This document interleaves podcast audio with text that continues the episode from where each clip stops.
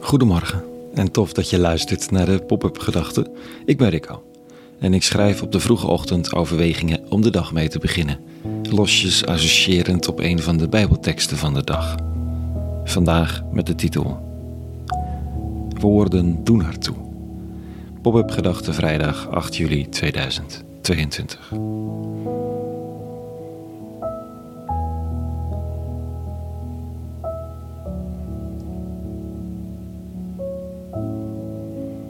Hij ontnam de ander het woord. Dat was zijn taak.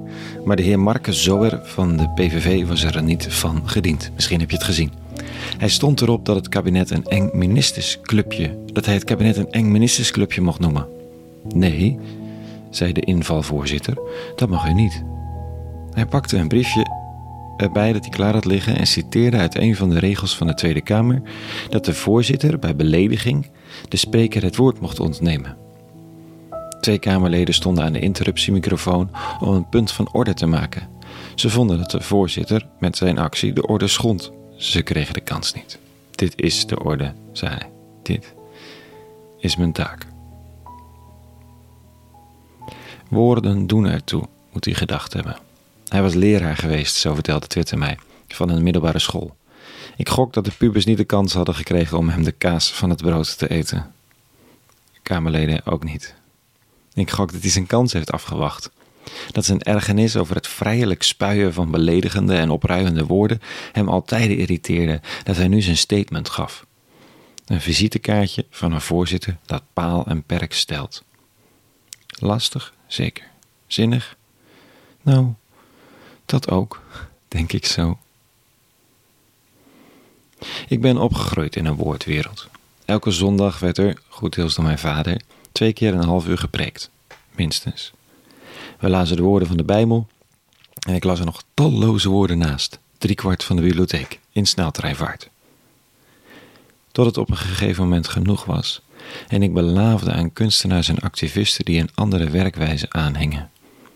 Hun woorden waren ervaringen. En ik begon me te distancieren van mooie woorden. Het moesten en zouden daden zijn, ervaringen, experimenten, acties, theater desnoods, gedichten eventueel. Nu besef ik dat dit ook woorden zijn. En dat ik elke ochtend een woordenstroom produceer, hier in de pop-up gedachten, al meer dan 1200 keer. Dat zijn nog net geen miljoen woorden, maar het scheelt niet heel veel meer.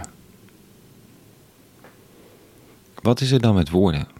Wel, ze doen ertoe. En je kunt ze gebruiken om je te distancieren van het leven. Door analyse, door beschouwing. Niet verkeerd, superzinnig, maar ook eenzijdig. En je kunt ze gebruiken om deel te nemen aan het leven. Het leven vorm te geven. Woorden, daden, zo gezegd. Ik hou van je is een woorddaad. Zeker als het met volle beleving wordt uitgesproken. Het opent een kanaal, het brengt een verbinding tot stand.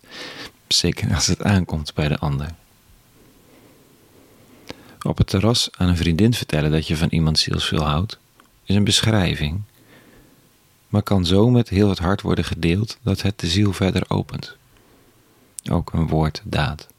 Net als een lied, een gedicht. En je kunt het analyseren. Wat gebeurt er nu ik weet dat ik van die ander houd? Woorden doen ertoe en ze hebben verschillende niveaus. Ik ben groot liefhebber geworden van de experimentele woorddaden. Noem God mama en lees het onze vader als onze moeder. Niet als nieuwe wet, maar als experiment. Eens. Kom je dan aan bij het dagelijks brood, dan schrijft het gebed zichzelf bijna al als smeer ons heden als dagelijks brood op. De huiselijkheid is compleet. En we moeten een beetje grinniken. Amen. Hm. Woorden doen ertoe. En vandaag lees ik dit, daardoor kom ik erop. Zo spreekt de Heer, in Hosea trouwens. Bekeer u Israël tot de Heer uw God, want over uw schuld bent u gestruikeld. Kom met uw woorden als gave. Bekeer u tot God en zeg hem, u vergeeft toch alle schuld, aanvaardt ook onze goede wil. Wij zullen onze woorden als offerdieren geven. Hm. Woorden kunnen de hele wereld veranderen. Zeker sorry of, of het spijt me. Als het met hart en ziel wordt gezegd, dan breekt zomaar de hemel open, gaat er licht schijnen, smelt de Berlijnse muur opeens als was in het vuur. Niet altijd, maar het kan. Woorden als gave, als offerdier. Dat is de kunst. Met liefde.